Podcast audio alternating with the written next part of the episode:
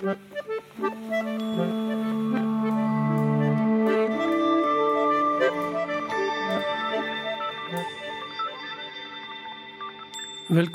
til podkasten eh, Ytringsklima. Her snakker vi om hvordan mennesker snakker sammen på jobb. Eh, og i dag har vi Kristoffer eh, Omberg fra Oslo Business Forum som gjest. Velkommen hit, Kristoffer. Tusen takk for det, Øyvind. Og jeg er nysgjerrig på hvordan dere i Oslo Business Forum sørger for skapende motstand og friksjon til de ideene som kommer opp underveis når dere planlegger ting. Altså Dere har brakt Obama til Oslo. Eh, jeg husker at jeg snakket med dere før eh, sir Alex Ferguson kom hit. og Dere har tatt noen sjanser, og dere har lykkes med prosjektet deres. Eh, og, så Derfor blir jeg nysgjerrig på hvordan dere har jobbet med å Altså i idéarbeidet deres, da. Hvordan sørger du for at dere får nok friksjon og nok motstand underveis? Det blir et spennende tema å diskutere, Øyvind. Ja. Det gleder jeg meg til. Ja. Så uh, fortell oss om et uh, prosjekt, eller uh, kan du gi oss et eksempel på hvordan dere går fram for å planlegge en konferanse, f.eks.? Hvor, det, hvor det er da nødvendig med friksjon underveis? Ja, det kan jeg gjøre. Vi starter jo planlegging. Vi har én konferanse vi arrangerer i året. Så det er ett stort arrangement, og så fyller vi selvfølgelig på med det med mindre arrangementer. Vi har jo masterclasses og bootcamps og sånt gjennom året, men det er sånn ett stort arrangement. Og det lanserer vi jo da på det foregående arrangementet. Eh, så idéfasen til et, en konferanse for oss den starter 18 måneder før ca. Så ca. 18 måneder før så starter vi da og de overordnede linjene. Altså, og da starter vi da selvfølgelig å hente inn mye informasjon utenfra. Vi sitter jo på veldig lite av den kompetansen selv, men vi snakker med målgruppen vår. Innhenter hva dere, hva er viktig for dere fremover. Snakker med toppledere på tvers av bransjer og industrier. Og så henter vi inn det i et dokument. Og så samler vi som regel da eh, alle ansatte til en halv dag hvor vi da begynner å kartlegge sant, de overordnede linjene i selskapet. Altså hvilke, hva er det vi ønsker å få til? Og er sånn, da er det veldig åpent. Altså ingen ideer er dumme type mentalitet. Kaster ideer på foredragsholdere, temaer, spinnville ideer vi ønsker å få til på konferansen, osv. osv. Så i den fasen så skal det egentlig ikke være friksjon. Da skal det være fritt fram, og ingen ideer er dumme. Da er det veldig fritt frem. Så, så, da er det ekstremt lite friksjon, vil jeg si. Ja. Men hva er neste fasen, da, når dere skal sile ut og bestemme dere for uh, innhold? Den neste fasen da er mellom 18 til 12 måneder før konferansen. Fordi eh, den, i den perioden tar vi kanskje eh, en av våre viktigste beslutninger. Det er jo da, Og da skal vi se litt frem i tid. da. Eh, hva er det som vil være relevant om 12 til 18 måneder når konferansen skal finne sted? Og det vi utarbeider da på de mellom 12 og 18 måneder før konferansene, er jo hovedtema. Uh, hovedtema for konferansen. Og så kan jo selvfølgelig de undertemaene og sånt, de kan jo endre seg, så det skjer jo mellom 0 og 12 måneder før. Men et hovedtema for konferansen, og gjerne i hvert fall fire til syv av foredragsholderne vi skal hente inn. Og For oss er jo det kjerneproduktet til Oslo Business Forum, så de valgene der er ekstremt viktige, og er jo helt avgjørende også for å velge ut riktig type. Og da henter vi inn data, så vi sender ut spørreundersøkelser. Da har vi kanskje fått en shortlist med navn, så vi har kanskje 10-20 navn, og disse her er realistisk for også å hente inn. Vi sender det ut øh, hvis vi skal rate, rangere disse her, hvem man hadde ønsket å få til, osv. osv. Og så kommer den jobben, da. Fordi da har vi også ulike roller internt i teamet. Vi har eksempelvis han som er prosjektleder, Andreas. Han blir målt på hvor øh, fornøyde deltakerne blir etter konferansen. ikke sant? For han er ansvarlig for alt logistikk osv. Hans hovedinteresse, hvis man ser på hans egen interesse, er å få foredragsholdere som er utrolig dyktige på scenen, og som gir konkrete verktøy. Og når du kommer hjem fra den konferansen, så er det bare en hallelujastemning, for du vet eksakt hva du skal gjøre, du har fått inspirasjon osv. Så, videre, og så har vi kanskje de som jobber på salg og markedsføring. De har en annen egeninteresse. For de skal jo få, faktisk klare å selge og markedsføre dette produktet til å få deltakere til, til, å kjøpe billett. De vet jo selvfølgelig, og det er jo kjernen av Oslo Business Forum, de vet at vi må ha skikkelig fornøyde kunder. Men må jo også, vi må hente inn navn som gjør at det er lett, lettere å selge inn. ikke sant? Men det som er utfordringen noen ganger, er jo at eksempelvis når vi henter inn um, Si sir Alex Ferguson, da, eller Barack Obama, så er det jo de som selger billetter. Og det gjør jobben enklere til de som driver med salg og markedsføring. Men det er ikke de som gjør at uh, man kommer på Oslo Business Forum året etter. Altså, det er ikke nødvendigvis sir Alex Ferguson da, som gjorde at du, du velger å gjøre det, men det er de andre. Så det er noen navn som er trekkplastre, og som uh, skaper uh, engasjement i forkant. Ja. Og så er ikke nødvendigvis det de som skaper en god opplevelse underveis i konferansen. Stemmer. Så internt i dette teamet ditt så vil det være interessekonflikt, på en måte? da? Ja, egentlig. Ja. Sånn, men eh, hvis man ser på et individuelt ståsted, da. Ja. Nå er vi heldigvis et såpass, uh, har vi såpass bra team at uh, alle ser hovedinteressen til Oslo Business Forum, men ja. egeninteressene står der. Og da blir det friksjon. Og det tror jeg er den største friksjonen vi har, er faktisk mm. når vi skal da uh, diskutere foredragsholdere mm. og temaet til konferansen. For det har såpass mye å si for sluttresultatet. Uh, hvor enkelt er det for dine folk å yte motstand til deg, du som er eh, øverste leder for uh, Oslo Business Forum? Uh, kan de komme til å tenke at det er best å ikke tråkke Kristoffer på tærne, fordi da blir han sur på meg? Jeg skulle ønske jeg skulle si absolutt nei. Ja. Jeg, tror, jeg, tror, det ligger Jeg tror vi er flinke på det. Altså. Jeg tror man kan komme med ganske mye til meg. altså. Ja. Men jeg tror, eller jeg vet også at man har ganske at, at, jeg skulle ønske at det var enda litt til. Ja. Fordi jeg har vært med på forskning som viser at eh, ledere, toppledere, jevnt over har høyere tanker om ytringsklimaet sitt enn det medarbeiderne har. Så når vi har spurt medarbeidere og ledere i samme organisasjon hvordan er kvaliteten på ytringsklima, så er et av funnene våre at det er et gap der. Så ledere kan gå rundt og tro at eh, hvis folk har motforestillinger og er uenig med meg, så er det lav terskel. Og så spør vi medarbeiderne, og så sier de nei, det er faktisk ganske høy terskel. Så eh, det kan hende at det er noen sånne elementer hos dere også, da. Absolutt, og det, jeg kjenner meg veldig godt igjen. Også enten om det er om eh, ytringsklima, om det er om friksjon, om det er om motivasjon, eller om det er om, på et syn om kultur. Vi snakker med veldig mange toppledere også, på tvers av bransjeindustrier, som er kunder av Oslo Business Forum. Og jeg bare kjenner meg utrolig godt den du sier, for når vi snakker, om CEO, vi snakker med CEO, f.eks., mm. så kan vi få ett bilde av selskapet. Og så kan vi snakke med fire-fem ansatte som er lenger ned i organisasjonen, og så tegner de et helt annet bilde igjen. Det er jo enormt fascinerende, ikke sant? At uh, samme organisasjon ser så ulike ut fra ulike ståsteder. Men, men, da blir jeg nysgjerrig på hva du som toppleder kan gjøre for å senke terskelen. Da. For du, sånn som du forteller det, så er du avhengig av at folk er, gir ærlig, oppriktig, tydelig, direkte tilbakemelding til deg og at de ikke er redd for å tråkke deg på tærne. Så hva kan du gjøre, hva, hva prøver du å gjøre for å eh, skape trygghet, sånn at folk kan, eh, kan, komme til deg med sine motforestillinger? Mm. Du nevner jo også, Øyvind, men jeg tror psykologisk trygghet og det å ha tillit ja. til meg er utrolig viktig. Og det som var en game changer for meg, var da jeg kom, kom over en bok som heter Five Dysfunctions of a Team av Patrick Lencioni. Fordi han, beskrev, han beskriver den boken at den ultimate konkurransefortrinnet til et selskap i dag. Det handler ikke om strategi, det handler ikke om eh, økonomi og alt dette her. Det handler om teamarbeid. Og hvorfor det? At man klarer å skape friksjon i teamene. Og hvorfor det? Jo, fordi det er så sjeldent at man virkelig klarer å gjøre det.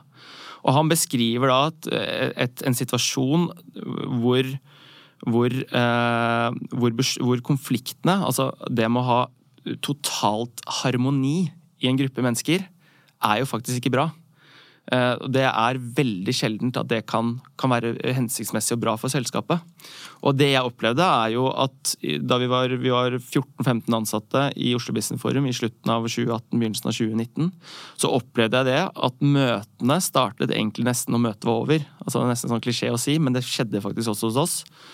Eh, at man stolte ikke nok på hverandre til å virkelig engasjere seg i debatter og diskusjoner. Så de engasjerte meningsutvekslingene skjedde etter møtene, og ikke ja. underveis i møtene? Og bak hverandres rygg. Ja. De kunne være uenige med meg, kunne si det bak ryggen min. De kunne være uenige med hverandre, si det bak ryggen vår. Det var utrolig dårlig eh, kultur, da. Mm. Hva gjorde dere for å endre på det? Da reiste, vi til, da reiste vi til, og man trenger ikke å reise et sted for å gjøre dette her, mm. men da reiste vi på en kickoff i Helsinki. Um, og da Gjennom det, et sånt verktøy jeg fikk da, fra å lese den boka, var det å skape den psykologiske tryggheten. Og det, måten man skaper den på, skaper tillit til hverandre, er gjennom å være sårbar. Så det vi gjorde da, da hadde vi selvfølgelig forberedt alle på det her i forkant, men da ga vi en øvelse til alle at uh, på den turen her så skal alle gå opp på en scene, en liten scene. Eh, og så skal man fortelle en, eller Da satt vi rundt bord, da, så man reiste seg opp, og så skal man fortelle en eh, personlig historie som man tror ingen andre her har hørt om før. Og vi gjorde det. Gikk en, en person, og vi fikk en sånn utrolig god samtale rundt bordet, basert på de historiene. Men jeg følte ikke at folk turte helt å åpne seg opp den første gangen. Men jeg følte at nå, okay, nå har vi i hvert fall satt det første steget. Eh, og det som var viktig for meg som leder, var selvfølgelig da at jeg måtte gå først aldri livet om de rundt bordet der hadde, hadde åpnet seg kanskje turt å fortelle den lille ekstra historien, det lille ekstra elementet, hvis ikke jeg hadde gjort det først.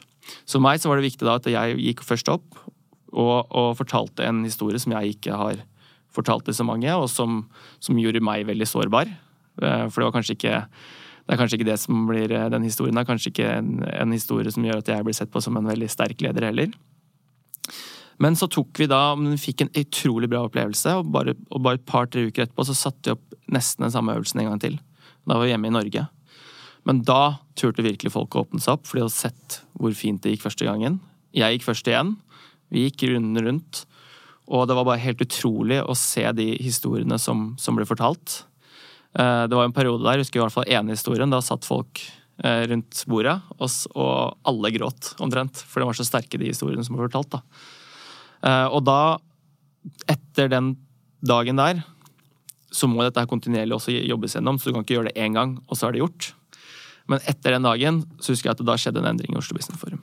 Og da vi virkelig begynte å kunne få konstruktive eh, dialoger, og hvor folk turte å si, si sin mening når eh, de var uenige. Det er veldig spennende. Men det, du, det som høres ut som, for meg som høres ut som kjernen i det, er jo at du viser sårbarhet. Og at alle viser sårbarhet. Og, og at alle erfarer at her er det faktisk trygt å dele en såpass uh, personlig historie. Uh, og at det åpner opp for at du kan være mer tydelig og direkte på andre forhold senere. Jeg tror det. Mm. Jeg tror det, fordi Og da kjenner man hverandre bedre. Altså, det gikk opp noe sånt eh, Når person X fortalte det, så gikk det opp i sånn lys for meg. For det, det er derfor eh, han har gjort eh, disse Man forstår hverandre bedre, da. Og da tror jeg også at når man, når man har de bakgrunnshistoriene på folk, og man, man har tillit til hverandre ikke sant? Du har sittet på et hotell her i Oslo og fortalt omtrent de dypeste historiene du har så kan du være uenig om hvilken forholdsholder du skal, skal, hente inn. For da på en måte blir det det, blir nest, det, det Å være uenig i hvilke forholdsholder du skal hente inn, det blir, eh, det blir ikke så stor diskusjon likevel. Det blir småtteri. Mm. Ja. jeg får en assosiasjon til noe jeg lærte Du og jeg har jo felles interesse for fotball. Eh, og jeg veiledet tre studenter som reiste til Østersund i Sverige for å finne ut hvordan de hadde skapt et så godt fotballag langt nord i Sverige. Eh, og en av de tingene de kom tilbake og fortalte om, var jo at eh, i Østersund så satt de opp en ballett hvert år for åpent for publikum. Så fotballspillerne gikk ut på scenen og danset Svanesjøen foran mange hundre mennesker. Og, og, spillerne sa jo nettopp det etterpå, at altså, nervøs for å spille fotball foran uh, 30 000 mennesker. Nei, jeg har danset ballett på en scene foran et stort publikum. Så du får et helt annet perspektiv på ting, da, og kan bruke det uh, konstruktivt. Så det er spennende. En kjempefin historie. Tror ja. jeg, den, den, tror jeg jeg hadde vært nervøs for hvis jeg hadde vært fotballspiller på Østersund. Ja, ja, skulle ut på, ut på glattisen og dansa litt. Ja, og så tror jeg også det var noe med at de gjorde det sammen. da, ikke sant? Det var ikke bare én som skulle ut på scenen, det var, det var liksom teamet som skulle fordele roller, og de skulle vise sårbarhet. Både overfor hverandre og foran et publikum. Da tror jeg, jeg det tilfellet der, da, som, som, ikke som øverste toppleder i Østersund, men som fotballtrener og som, som treneren, som er faktisk ansvarlig for dem, så er det jo helt avgjørende, tror jeg, at han også er med på det. Ja. Uh, nå er det jo han, uh, ikke hun. Men uh, ja. som regel så er det det i fotball, dessverre. Ja, ja, det stemmer. Men jeg, jeg tenker at i, i framtiden også til Oslo Business Forum som du leder, så vil dette også være noe som er viktig. ikke sant? At, at du sørger for at du får At det er tilstrekkelig friksjon og motstand i, i, i teamet ditt.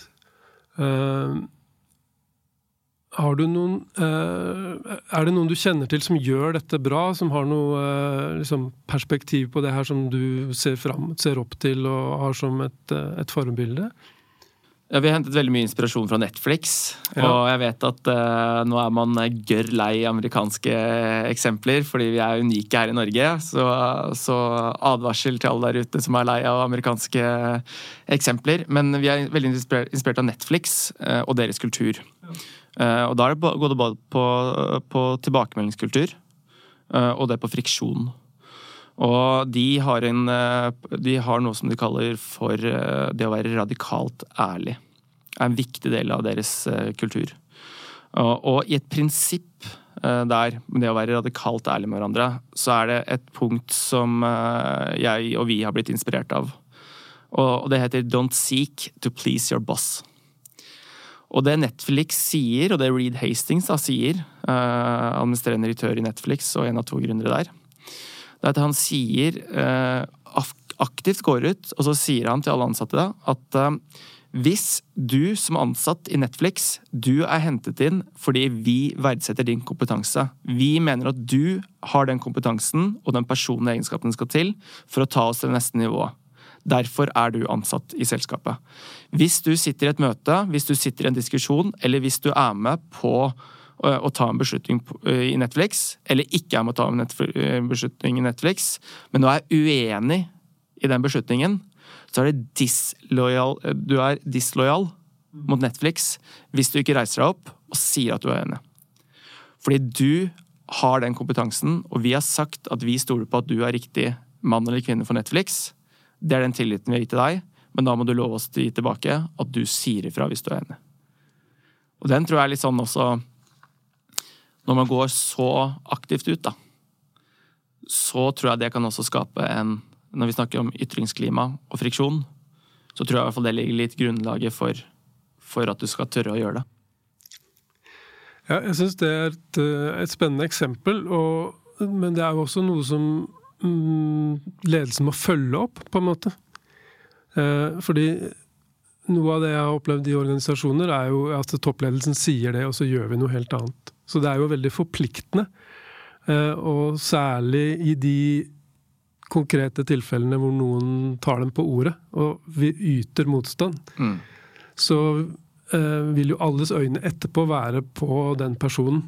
Mm. Hva skjer videre med den personen nå? Det, var det en smart ting å gjøre? Mm.